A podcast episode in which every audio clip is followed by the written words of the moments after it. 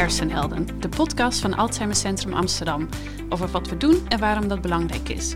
Elke episode spreken we met deskundigen die zich inzetten voor patiëntenzorg en wetenschappelijk onderzoek op het gebied van dementie, vooral op jonge leeftijd.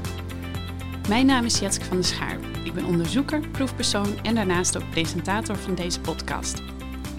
Vandaag gaan we het hebben over cognitieve reserve. Wat is dat en wat hebben we eraan?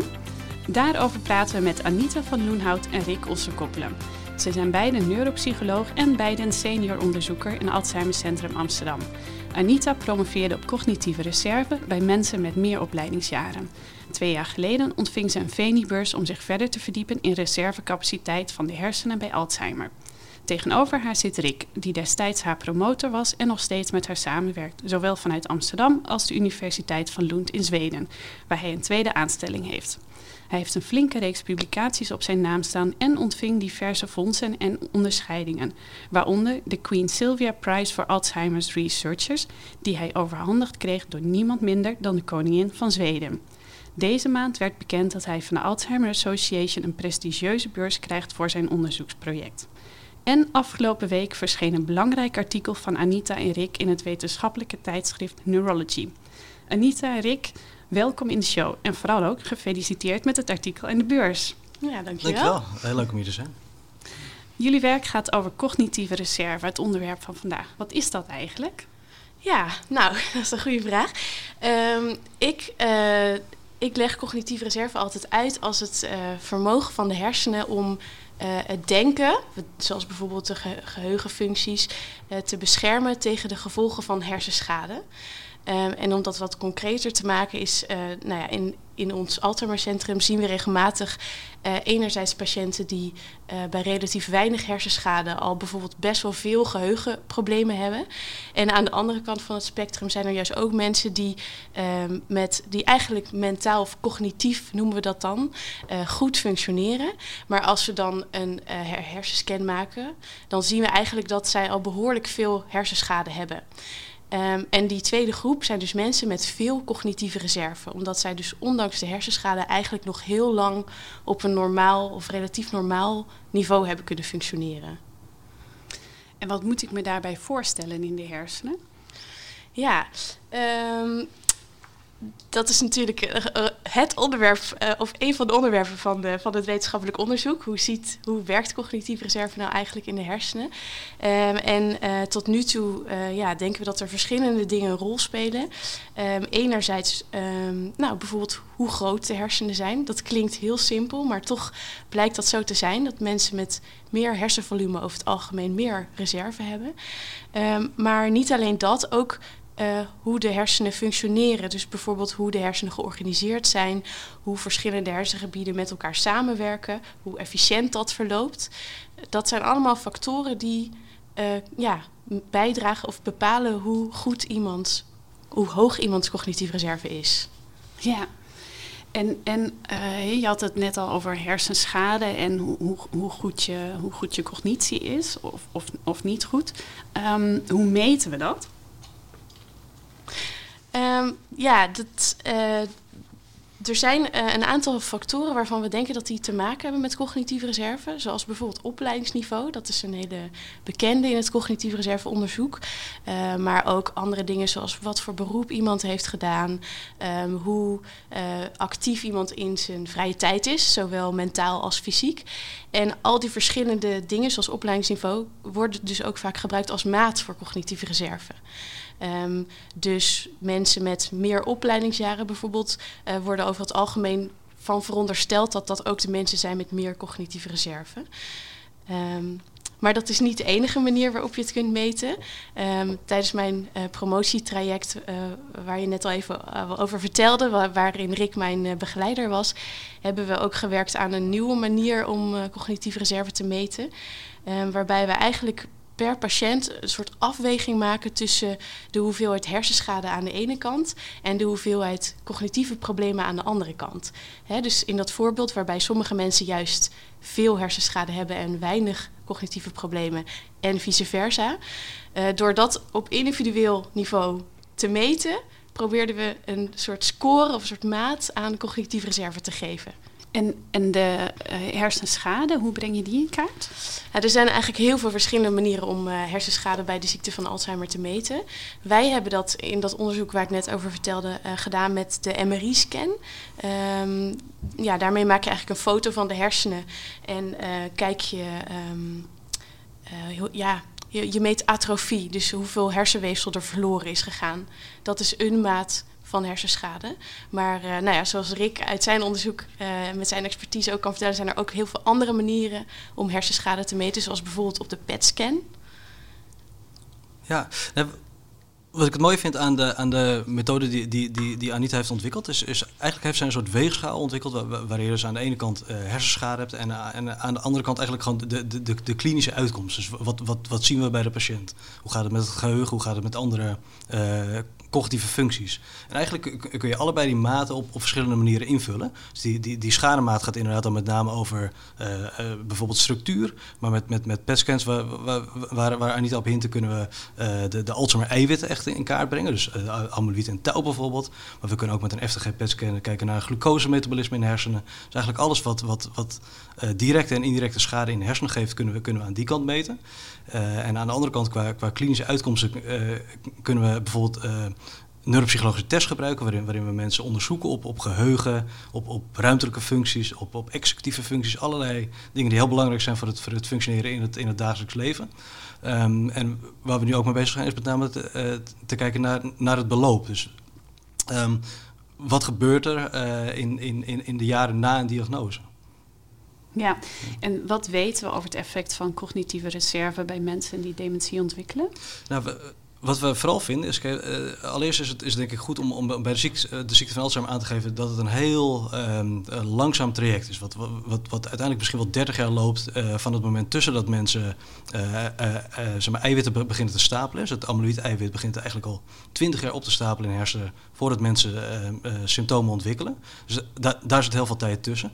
En de gemiddelde periode ongeveer tussen de diagnose en het overlijden is ongeveer 10 jaar. Dus we, we praten over een traject van, van ongeveer 30 jaar in totaal. En wat, wat wij denken dat, dat cognitieve reserve met name doet, is dat interval uh, verlengen tussen het moment dat mensen uh, de biologische ziekte ontwikkelen, dus dat er dingen fout gaan in de hersenen, en het moment dat er symptomen uh, komen. Dus zeg maar, gemiddeld is die periode ongeveer 20 jaar. We denken dat het bij mensen met hoge cognitieve reserve dat, dat het interval langer is. Dus mensen hebben meer gezonde levensjaren. En mensen met wat lagere cognitieve reserve, die, die gaan er sneller symptomen ontwikkelen. Ja, dus eigenlijk zeg je dat schadelijke proces in de hersenen gaat door en, en daar verander je ook niks aan, maar je bent langer in staat om te compenseren en dus langer nog relatief goed te functioneren. Moet ik het zo zien? Ja, uh, uh, kleine nuance. Uh, er zijn in de literatuur wel wat aanwijzingen dat, dat, dat bijvoorbeeld een, de, de, mate van cognitieve reserve ook invloed zou kunnen hebben op, de, op, op, het, op het ontwikkelen van, van, van de ziekte zelf, hè, van, van de, de, de biologie van de ziekte. Ja, um, ja dat, dat effect is, is, is minimaal en is, is niet, niet heel consistent aangegeven. Dus in, in onze visie is met name cognitieve, cognitieve reserve bepaald met name wanneer die, de, symptomen zich, zich manifesteren. Dus de, de, de, de, ziekte krijg je door een, een samenloop van, van genetica, omgeving en die hele complexe interactie daartussen. Uh, maar hoe je daarmee omgaat, daarin speelt de cognitieve reserve een hele belangrijke rol. Ja, dus eigenlijk verleng je daarmee de gezonde levensjaren op het moment dat dat je al schade hebt. Exact, ja. En ook, ook in, in ons onderzoek, we, we kijken eigenlijk naar, naar verschillende fasen van, van de ziekte van Alzheimer. Dus als je, uh, uh, die, die, die zou je heel grof eigenlijk in drie delen op kunnen, op kunnen splitsen. Dus één, dat, dat doen we uh, het preklinische stadium van de ziekte van Alzheimer. Dus daarin hebben mensen de, de Alzheimer-eiwitten, maar nog niet de, de symptomen. Dan is er een stadium wat we mild cognitive impairment noemen. Daarin is er, is er objectief, gaan er dingen mis. Dus als we mensen testen, vinden we bijvoorbeeld geheugenstoornissen. Maar die zijn niet ernstig genoeg om het, om het dementie te kunnen noemen. En het stadium daarna is, is, is, is het, het, het dementiestadium. Um, en wat wij met name in ons onderzoek vinden, is, is een beschermend effect in, in dat preklinische stadium. Dus uh, waarin, mensen de Alzheimer-eiwitten hebben. En degene die een hoge cognitieve reserve hebben, daarbij zien we dat het beloop heel erg vertraagd is. Dus die gaan minder hard achteruit dan mensen met een lage cognitieve reserve. En wat heel interessant is, en ook misschien wel wat, wat paradoxaal, is dat we juist in het dementiestadium het, het omgekeerde zien. Dus daar gaan dus mensen met een hoge cognitieve reserve, die gaan sneller achteruit dan mensen met een lage cognitieve reserve. En wij denken dat ze dus met name hun cognitieve, hun cognitieve reserve gebruikt hebben in het vroege stadium, om, om zoveel mogelijk uh, uh, gezonde uh, levensjaren te hebben. Nou ja, en de woorden Alzheimer en dementie vallen net al. Geldt dit alleen voor mensen met Alzheimer of ook voor andere vormen van dementie? Ja, dus de, de, de methode van, van, van Anita, waar we het over hadden, die, die weegschaal, die gaat over hersenschade versus een, een, een klinische uitkomstmaat. Uh, en die, die, die is heel breed toepasbaar. Dus cognitieve reserve is bijvoorbeeld ook bij andere vormen van, van dementie al, al aangetoond. Dus bijvoorbeeld bij, bij frontotemporale dementie, waarbij met name gedragsveranderingen op de voorgrond staan. Ook bij de, bij de ziekte van Parkinson, waarbij het met name om bewegingsstoornissen gaat, is het, is het aangetoond. Bij MS is, is, het, is het aangetoond. Dus eigenlijk bij heel veel verschillende ziektebeelden zien we uh, effecten van cognitieve reserve. Dus het is zeker niet specifiek voor de ziekte van Alzheimer. Ja, je noemde net al even dat je ja, eigenlijk langer in staat bent om te compenseren voor die, voor die hersenschade. Waar moet ik dan aan denken? Is dat uh, weken, maanden, jaren? Ja, het is ook heel moeilijk om dat, heel concreet uit te drukken. Omdat als je dat echt experimenteel zou willen onderzoeken, dan, dan zou je dus mensen vanaf een jonge leeftijd moeten volgen. Dan zou je de een dus uh, een hele actieve uh, uh, levensstijl aan willen laten nemen, de, de, de ander niet. Dus zo'n experiment is ethisch al niet, al niet verantwoord. en, en ook eigenlijk niet goed op te zetten. Dus als we daar iets zou, over zouden moeten zeggen, dan is het al op basis van, van, van, van studies die, die zeg maar, later in, in het leven gedaan worden. Waarbij, waarbij eigenlijk heel veel aannames zou, zou moeten doen. Ja, ja dus ik, ik, begrijp dat je dit niet uh, kan publiceren in een wetenschappelijk mm. tijdschrift. Maar als je iets zou moeten zeggen op basis van jouw ervaring, hè, wat jouw persoonlijke mening ja. is, waar moet ik dan aan denken? Ja. Um, misschien kan ik een, een, een, voorbeeld geven van een patiënt die we, die, die we een aantal jaar geleden hier, uh, hier hadden. Dat, dat, dat, was een hele, hele actieve man. Uh, die, die marathons liep in, in, zijn vrije tijd en sport en ook, ook een hele, hele mooie carrière had. Um, en toch kwam hij bij het Alzheimercentrum op 62-jarige leeftijd met, met, met de ziekte van Alzheimer. Um, en die vroeg me toen ook van, goh, nou, dan heb ik mijn hele leven zo gezond geleefd. Ik ben actief geweest, sportief. Ik, ik heb op mijn voeding gelet en dergelijke. En dan krijg ik toch met 62e de, de ziekte van Alzheimer. Hoe, hoe, hoe kan dat nou? En wat ik hem toen verteld heb, is dat, dat ik. Kijk, het is heel moeilijk om hard te maken. Wat, wat ik denk, is dat diegene dus door die actieve levensstijl. Uh, het begin van die symptomen echt uh, aanzienlijk uitgesteld heeft. Met andere woorden, als hij dus niet die bepaalde levensstijl gehad zou hebben, dan was hij misschien wel op zijn 57ste bijvoorbeeld bij het Alzheimercentrum gekomen. Dus hij heeft, eigenlijk heeft hij vijf gezonde jaren gewonnen, om het, om het zo maar even te zeggen. En dus om, om, om, om terug te, te keren op jouw vraag, we hebben het wel echt over jaren, denk ik. En, en niet over weken of, of maanden. Ja. Ik heb um, zelf ook een, uh, een keer een artikel gelezen, dat is dus niet ons eigen werk, maar waarin uh, een groep mensen, een groep mensen die één taal spraken, werd vergeleken met tweetalige mensen. Um, en uh, een taal leren is bijvoorbeeld ook een vorm van cognitieve reserve. En daarbij werd, als ik het me goed herinner, laten zien dat die mensen over het algemeen ook iets van vier à vijf jaar later de eerste symptomen van de ziekte van Alzheimer krijgen. Die tweetalige groep dan die eentalige groep. Dus, dus dat past wel een beetje bij wat Rick zegt, dat het misschien wel, ja, dat we toch misschien wel ja. over meerdere jaren zouden kunnen hebben. Dat verschil. Ja. ja. Ik vind dat veel voor een ziekte waar geen behandeling voor is nog. Ja, zeker. Ja. En uh, je begon er net al eventjes over Anita. Um, wat zijn factoren die van invloed uh, zijn op die cognitieve reserve? Dus je bedoelt uh, wat voor leefstijlfactoren? Ja. ja, precies. Ja, dus dat is eigenlijk heel breed. Ik noemde er inderdaad al een paar. Hè. Dus um, uh, opleidingsniveau of wat voor soort beroep je hebt gedaan. intelligentie, dus IQ, wordt ook als een maat voor cognitieve reserve gezien. Um, maar ook zeker dus ja, hoe je je, privéleven leidt, zeg maar. Dus buiten die dingen om. Hè, mij wordt namelijk wel eens gevraagd van ja, maar sommige mensen kregen vroeger bijvoorbeeld helemaal niet de kans om te studeren terwijl ze het wel konden. Um, ja, wat, hoe zit het dan met hun cognitieve reserve? En ik denk dat uh, mensen die niet de kans kregen om te studeren, maar vervolgens de hele bibliotheek. Uh, uh, leeg lazen, bijvoorbeeld. Dat zijn ook mensen die op een andere manier, via een andere route, alsnog aan, hun, aan hun cognitieve reserve gewerkt hebben.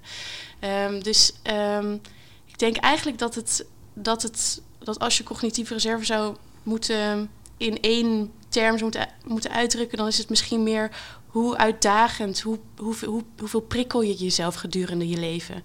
Uh, op wat voor manier dan ook, sociaal, hobby's, eh, dingen lezen, muziekinstrumenten leren. Dus dat kan eigenlijk van alles zijn. Ja, dus niet alleen intellectueel. Het is niet alleen dat je blijft studeren en lezen en nee, echt kennis tot je neemt. dat dat breder is. Ja, Ja. ja. ja, dat blijkt ook wel eh, uit onderzoek. Ja. Ja, ook, wa- want je- ik hoor jou net sociaal zeggen. Wat moet ik me daarbij voorstellen? Ja, eh, er zijn, het is wat minder eh, een groot onderzoeksveld, maar er zijn wel wat studies die eh, kijken naar ehm, bijvoorbeeld hoeveel sociale contacten iemand heeft. Ehm, dat is vaak met vragenlijsten. Ik kijk ook even Rick aan. Dat wordt over het algemeen met vragenlijsten eh, eh, ge- bekeken bij mensen. Eh, en daar, daaruit blijkt ook dat mensen die sociaal actiever zijn, meer vriendschap hebben of misschien meer in clubjes en besturen en dat soort dingen zitten, eh, dat, die, dat die ook iets goeds hebben gedaan voor hun cognitieve reserve. Ja, En fysiek zei je net ook. fysiek ook. Ja, Ja, ja. Hoe verklaar je dat dan? Ja, nou, dat is mogelijk toch weer net een soort andere route. eh, maar eh, als je fysiek bezig bent, dan doe je eigenlijk heel, heel veel goede dingen voor je hersenen. Want je zorgt bijvoorbeeld dat je hersenen beter doorbloed zijn. Ehm, ontstekingsreacties in je hersenen gaan naar beneden. Eh, je stimuleert ook de aanmaak van nieuwe hersencellen of nieuwe verbindingen. Dus bepaalde stofjes die ehm, de neurogenese, zo heet dat, eh, stimuleren. Dus de aanmaak van nieuwe hersencellen. Eh, die gaan omhoog. Dus door fysiek actief te zijn, ehm, doe je eigenlijk ook allerlei goede dingen voor de gezondheid van je hersenen. Ja. En iets als eh, bijvoorbeeld voeding, draagt dat ook bij aan je cognitieve reserve? Ja, ja er is ook eh, er is veel eh, onderzoek naar het mediterrane dieet bijvoorbeeld. Ehm, en eh, het mediterrane dieet houdt in, ik weet het niet precies hoor, want nogmaals, dit is dan weer net niet mijn eigen onderzoek, maar ehm, dat je veel, niet veel, weinig vlees en veel peulvruchten en eh volkorenproducten. Ik weet het niet meer precies, maar het mediterrane dieet heet het. Ehm, dat, eh, dat die mensen eh, ook ehm, beter beschermd zijn tegen de gevolgen van de ziekte van Alzheimer. Dus ik denk inderdaad, ja, ook voeding is een eh, belangrijke component. En, we hadden het net al even over het artikel wat jullie vorige week in Neurology gepubliceerd hadden. Wat was daarvan de belangrijkste bevinding? Ehm, ja, in dat onderzoek hebben we eh, dus twee eh, maten voor cognitieve reserve gebruikt. Enerzijds opleidingsniveau en anderzijds eh, hersenvolume. Ehm, en we hebben zowel gekeken naar ehm, hoe die twee factoren van invloed zijn op het eh, beloop van de ziekte. Dus de snelheid waarmee bijvoorbeeld de geheugenfuncties eh, achteruit gaan over de tijd. Eh, en anderzijds ook op ehm, levensverwachting. Dus het, dus het moment tussen diagnose en het moment van overlijden. Hoe lang dat interval is. Ehm, en allereerst zagen we voor zowel opleidingsniveau als hersenvolume ehm, dat die een beschermend effect lieten zien. In die zin dat als je eh, mensen met evenveel hersenschade eh, bij elkaar zetten, dat dan degene met meer opleidingsjaren of met een groter hersenvolume ook degene waren die betere denkfuncties lieten zien. Ehm, en daarnaast zagen we heel specifiek voor opleidingsniveau ook dat beetje paradoxale effect waar Rick al over sprak. Dat eh, in de dementiefase, wat we dus eigenlijk zien als de laatste fase van de ziekte, ehm, dat die mensen sneller achteruit gingen over de tijd. Ehm, ja, dus dat. En daarnaast, ehm, ondanks die snellere achteruitgang, zagen we wel, zowel voor opleidingsniveau als voor hersenvolume, dat eh, mensen ehm, die daar meer van hadden, eh, op een later moment of later in de ziekte overleden. Dus netto gezien, zeg maar, de totaalduur van de ziekte was, was langer bij mensen met die ja, hoger zaten op die factoren. Ja. Als ik jou zo hoor, dan eh, denk ik dat een, een aantal van die factoren, daar heb je zelf invloed op. Hè? Door, door socialer actief te zijn en inderdaad de bibliotheek lees te le leeg te lezen of andere dingen te doen. Uh, maar in, in hoeverre speelt uh, aanleg of erfelijkheid een rol? Want bedoel, kun je je hersenvolume zelf ook beïnvloeden? Nee, eigenlijk niet of nauwelijks zou ik willen zeggen. Um, hersenvolume uh, is denk ik voor een heel groot deel genetisch en biologisch bepaald. Um, dus het klopt absoluut dat er ook um, factoren zijn van cognitieve reserve waar je geen invloed op hebt. En eigenlijk is bijvoorbeeld IQ daar ook een voorbeeld van. Dat is ook uh, in ieder geval voor een deel genetisch bepaald. ja, dus het is echt een, uh, een combinatie van nature en nurture als het ware. Ja, ja. Ja, en als, als, als ik hier even, even, op, op, op in mag gaan. Dus eigenlijk is, is IQ denk ik een, een heel mooi voorbeeld hiervan. IQ is, is, zoals Anita zegt, is deels genetisch vastgelegd. Maar je, wordt zeg maar, geboren met een bepaalde mogelijkheid. Dus iemand heeft bijvoorbeeld die heeft de mogelijkheid om ergens tussen de 100 en, en 115 te eindigen.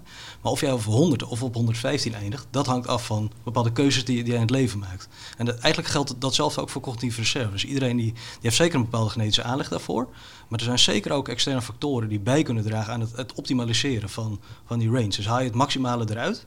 Uh, of doe je dat juist niet? En, en, en of je dat wel of niet doet, dat heeft echt gevolgen voor uh, de, de, de manifestatie van de ziekte als je, die, uh, als je de pech hebt om die ziekte te krijgen. Nou ja.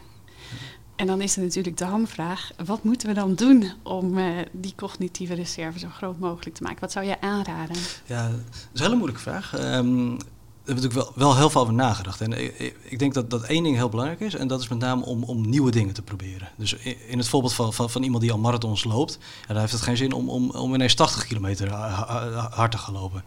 Um, en Anita heeft eigenlijk al een hele serie aan voorbeelden gegeven. Hè? En, um, dus het is met name belangrijk om, om, om dus nieuwe activiteiten te, uh, te ondernemen. Dus uh, bijvoorbeeld het, leren van een nieuwe taal. Het, het leren bestuderen van een, het leren bespelen van een instrument.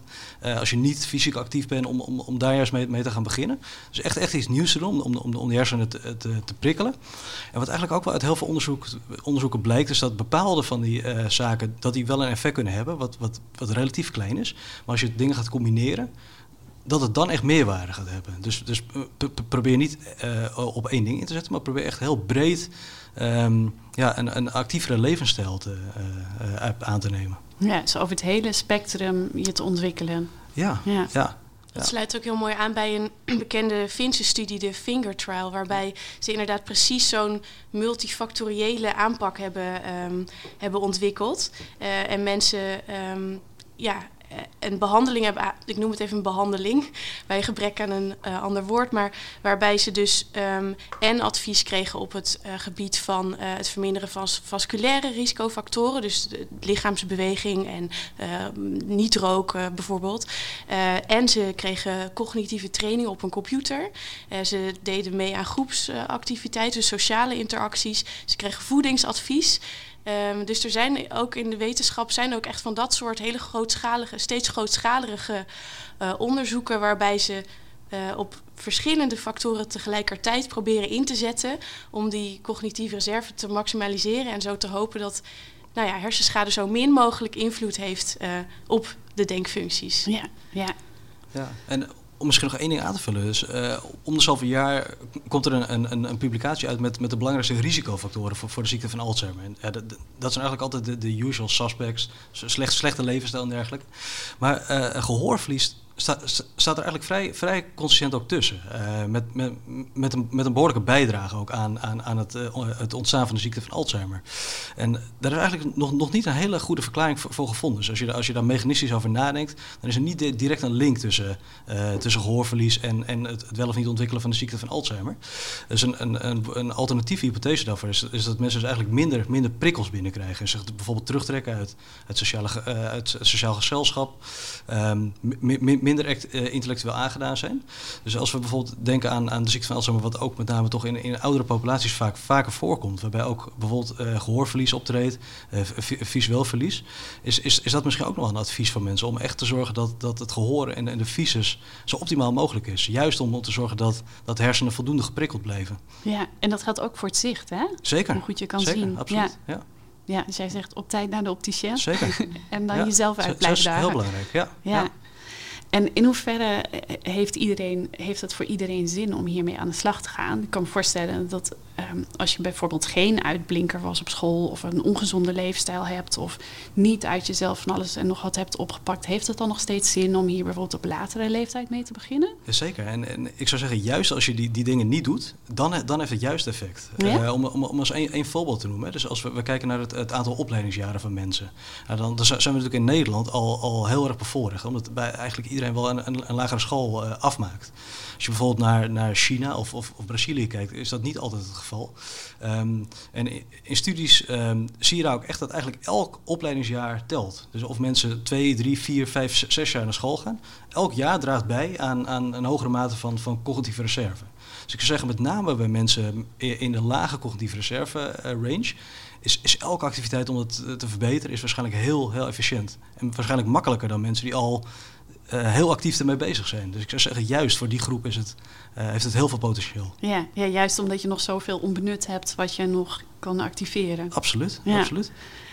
En als je al ouder bent, of als je al klachten hebt, heeft het dan nog zin? Ja, ook, ook daar. We, we, hebben, we hebben een aantal jaar geleden een, een, een zogenaamde meta-analyse uh, gepubliceerd. En dat, betekent eigenlijk dat we alle studies uit de literatuur samen bundelen om, om dan een, een, een, grote conclusie daaraan te kunnen verbinden.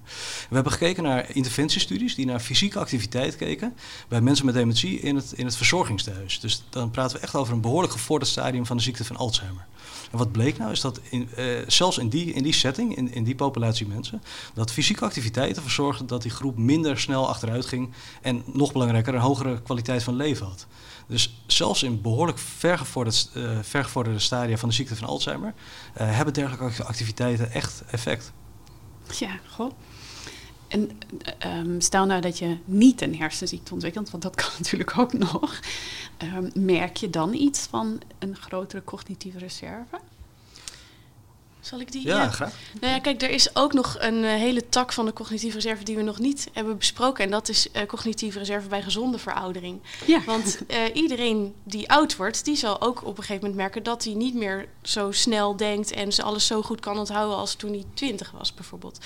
Um, en um, cognitieve reserve lijkt dus ook een rol te spelen bij normale veroudering. Dus ook daar kan het ervoor zorgen dat je langer uh, op je oude niveau blijft functioneren of langzamer achteruit gaat bij normale veroudering. Dus uh, daar, ja, daar speelt het ook zeker een rol en is het ook goed. Ja. Voor iedereen is het goed om aan de cognitieve reserve te werken. Ja, um, dus als ik jullie zo hoor, dan denk ik, nou, dat is wel echt de moeite waard om hiermee aan de slag te gaan. Hey, je kan er in het gunstigste geval misschien wel jaren mee winnen. Maar wat doen we nu met deze informatie als iemand naar de geheugenpolie komt? Wat kunnen we daarmee? Ja, we doen er heel weinig mee uh, momenteel. Dus de, uh, het aantal opleidingsjaren wordt, wordt meegewogen in, in bijvoorbeeld de, de prestaties op een geheugentaak. Dus voor mensen die uh, meer opleidingsjaren hebben gehad, daar, daar verwachten we ook een wat hogere score op, op testen. Maar we nemen het eigenlijk helemaal niet mee als we het bijvoorbeeld hebben over een, over een prognose. Um, en het, interessante is eigenlijk dat welke neuroloog of, welke geriater je ook spreekt, iedereen die, die realiseert zich dat cognitieve reserve gewoon bestaat. Iedereen kent uit zijn praktijk voorbeelden van mensen met heel veel hersenschade die wonderwel nog heel goed functioneren. En, en ook het omgekeerde, mensen met relatief weinig schade die enorme geheugenstoornissen hadden. Uh, en toch doen we daar op dit moment in de kliniek uh, heel weinig mee. Dus uh, hopelijk is, is, is, de studie van Anita, die we afgelopen week gepubliceerd hebben, een eerste aanzet om het in ieder geval mee te nemen op het, om het, het beter te kunnen voorspellen.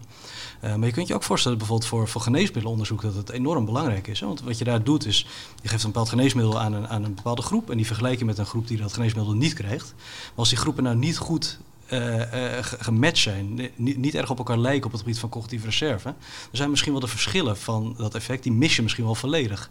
Uh, of andersom, je, je, je, vindt iets wat, wat, wat niet aan het medicijn toe te wijden is, maar aan een verschil in, in cognitieve reserve. Dus ik zou ook in geneesmiddelenonderzoek willen pleiten om, om daar ook echt op te, op te selecteren en, en, en, en groepen te, te matchen op, op, de, op het niveau van cognitieve reserve. Ja. En uh, jullie hebben allebei een mooie onderzoeksbeurs. Uh, wat ben je van plan met je verdere onderzoek op dit gebied? Ja, dus mijn, mijn, onderzoek richt zich uh, met name op, op het eiwit touw. in de afgelopen jaar is er heel veel aandacht geweest voor, voor amyloïd. En dat amyloïd-eiwit dat begint eigenlijk al, al heel vroeg in de ziekte, zoals ik al aangaf. Dus misschien wel twintig jaar voordat, voordat mensen überhaupt klachten kregen. Dus dat, dat touw-eiwit dat, dat zit veel dichter op, op de symptomen. Dus op het moment dat iemand dat touw-eiwit echt in de hersenen heeft um, dan, dan is die, uh, die relatie met, met cognitieve symptomen die, die is heel erg groot. Uh, en dat maakt het ook meteen een heel mooi middel om juist cognitieve reserve te bestuderen, omdat er een directe link is tussen die twee. Uh, en waar ik op dit, dit moment mee bezig ben, is eigenlijk um, is iets met biologisch onderzoek. Dus wat ik graag wil is um, per individu bepalen hoe, zeg maar, hoe iemand reageert op, dat, op dat touweiwit. Dus heeft iemand juist extra veel cognitieve symptomen of is iemand daar relatief tegen beschermd? En uh, dan kijk ik volgens naar, naar drie dingen. Hoe, hoe ziet zeg maar, die, die verbindingen in de hersenen, hoe zien die eruit bij mensen met een hoge cognitieve reserve versus een lage cognitieve reserve? Dan zien we, zien we gewoon verschillen in, in de snelwegen in, in de hersenen, om het, om het zo maar even te zeggen. Um, tweede lijn is dat we tegenwoordig uh, in, in, het, in het hersenvloeistof, wat, wat, wat om, om de hersenen circuleert, dat we daar nu ongeveer 3000 eiwitten kunnen, kunnen bestuderen. En dat zijn eiwitten die hebben bijvoorbeeld te maken met, met activiteit in de hersenen, maar ook met uh, het, het opruimen van schadematen, met, met ontstekingsmechanismen en dergelijke in de hersenen. Dus door die te meten en die te linken aan de mate van cognitieve reserve, kunnen we mogelijk ook wat, wat beter die mechanismen begrijpen, want dat, dat begrijpen we eigenlijk nog onvoldoende op dit moment. En de derde is eigenlijk om, om, om genetische varianten te bekijken. Dus er zijn er bepaalde genetische varianten uh, die we kunnen associëren met cognitieve reserve. En die mogelijk op hele lange termijn kunnen gebruiken om, uh, om misschien wel in, uh, een bepaalde therapie te ontwikkelen. Die iemands cognitieve reserve kan, kan boosten. Waar denk je dat we over tien jaar staan qua onderzoek? Of qua uitkomst? Um, nou, ik, ik, ik hoop met name dat we, dat we veel meer inzicht krijgen in, uh, in, in, in, de, in de mechanismen van, van cognitieve reserve. Dus uh, nogmaals, we, we, kunnen het nu we kunnen het redelijk meten. Um, uh, maar we begrijpen eigenlijk veel te weinig nog waar het vandaan komt. En dat is echt wel stap één. Ik, ik hoop dat, dat, dat we over tien jaar wel al zover zijn dat we in ieder geval die mechanismen beter begrijpen. En dat we misschien een begin aan het maken zijn al richting, richting, richting therapieën. Um, tien jaar is wel, is echt een hele lange tijd. Heel moeilijk in te schatten. Uh, de ontwikkelingen gaan momenteel wel heel snel in het veld. Dus ik, ik ben wel, wel positief gestemd wat, wat dat betreft. Ja. ja. En jij, Anita, waar wil jij nog mee aan de slag in de toekomst? Ja, nou, uh, wat mij vooral heel erg uh, interesseert en fascineert is dat beloop. Dus hoe cognitieve reserve nou voor, uh, invloed heeft op het beloop van de ziekte van de Alzheimer. Dus het beloop van de symptomen van de ziekte. Um, we hebben het er al even over gehad, hè, dat bijvoorbeeld in, de, in het latere stadium van de ziekte mensen met hogere reserves sneller achteruit gaan. Maar waarom nou eigenlijk? Hoe zit dat nou? Uh, is dat omdat op een gegeven moment cognitieve reserve als het ware op is. Dus dat als je heel lang je hoofd boven water hebt proberen te houden en opeens lukt het niet meer, dat je dan vrij plotseling afzakt, omdat ondertussen die hersenschade natuurlijk uh, steeds door is gegaan. Of is er misschien meer aan de hand? Kan het zijn dat mensen die uh, in de hersenen aan het compenseren zijn, dat die als het ware ook hun hersenen aan het uitputten zijn. Uh, en dat als je hersenen overbelast raken, dat ze dan misschien ook gevoeliger worden voor nieuwe hersenschade. Dus dat uiteindelijk ook de hersenschade zelf sneller gaat in de, uh, bij mensen met hogere cognitieve reserve. Dat wil ik heel graag wat meer gaan uitzoeken door mensen over de tijd te volgen. En zowel dus cognitief, maar ook uh, bijvoorbeeld door herhaaldelijk MRI-scans te maken van de hersenen. Um, ik ben ook heel, heel benieuwd in dat beschermende gedeelte van cognitieve reserve. Um, in het beginstadium van de ziekte. Heeft dat nou vooral te maken met iemands uitgangsniveau? Dus als je bijvoorbeeld um, heel, heel goed geheugen hebt om mee te beginnen, dat dat maakt dat het lang duurt voordat je dementieniveau behaalt? Of heeft dat meer te maken met um, dat je heel lang je oude niveau kunt vasthouden? Of zijn er meerdere wegen die naar Rome leiden? Zijn er misschien sommige mensen die een gemiddeld geheugen hebben, maar dat wel heel lang kunnen vasthouden? Um, dus dat belopen beter begrijpen, uh, dat is iets wat mij altijd heel erg heeft gefascineerd en wat ik heel graag beter wil uitzoeken. En tot slot wil ik ook heel graag wat meer die concrete vertaling maken naar hoeveel jaren hebben we het nou eigenlijk over. Hè, dus uh, die vraag die nu al tijdens deze podcast aan bod kwam. Um, Rick vertelde al, we onderscheiden eigenlijk drie stadia van de ziekte van Alzheimer. Dementie, daarvoor heb je mild cognitive impairment, dus milde klachten. En daarvoor heb je subjectieve klachten, waarin mensen al wel het gevoel hebben dat er misschien iets, dat er iets van achteruitgang is, maar ze, ze vallen eigenlijk binnen het normale als je ze een geheugentest zou geven. Um, en ik heb als plan om, om um, echt ja, te gaan meten van hoeveel jaar uh, duren die drie fasen nou voor mensen met verschillende niveaus van cognitieve reserve, zodat we eigenlijk veel duidelijkere informatie daarover aan de patiënt kunnen geven. Um, dus dat uh, staat op de agenda. Genoeg te doen. Ja. ja. Toen ik jullie aan het begin van ons gesprek introduceerde, kwam al even voorbij dat jullie allebei mooie artikelen hebben gepubliceerd, beurzen hebben ontvangen, prijzen hebben gewonnen. En eh, wat is jullie geheim? Passen jullie alles over cognitieve reserve toe in jullie eigen leven ook? nou, ja. Begin jij maar, niet, hè? Uh, nou ja, gewoon, ik denk dat het, uh, dat het veel met enthousiasme ook te maken heeft. Ja? Dus uh, volgens mij uh, spreek ik voor ons beiden dat, dat we ons het onderwerp cognitieve reserve gewoon echt super interessant vinden. En het heel leuk vinden om daarover te lezen, over te praten ook met elkaar, maar ook met anderen. Um, en um, ja, ik denk dat, dat het ons gewoon lukt om dat enthousiasme ook over te brengen. Uh, op, uh, op, mede, op onze mede-collega's, uh, op congressen, maar ook aan beursverstrekkers. En dat dat zorgt dat, ja, dat we andere mensen ook enthousiast maken voor het onderwerp. Ja, ja. ja en, en cognitieve reserve is, is een heel complex onderwerp. Dus we, we, de, door er veel over na te denken en veel over te praten, worden we enorm uitgedaagd zelf al. Dus de, daarmee trainen we eigenlijk ons eigen, ons eigen ja. cognitieve reserve. Ja. ja, mooi.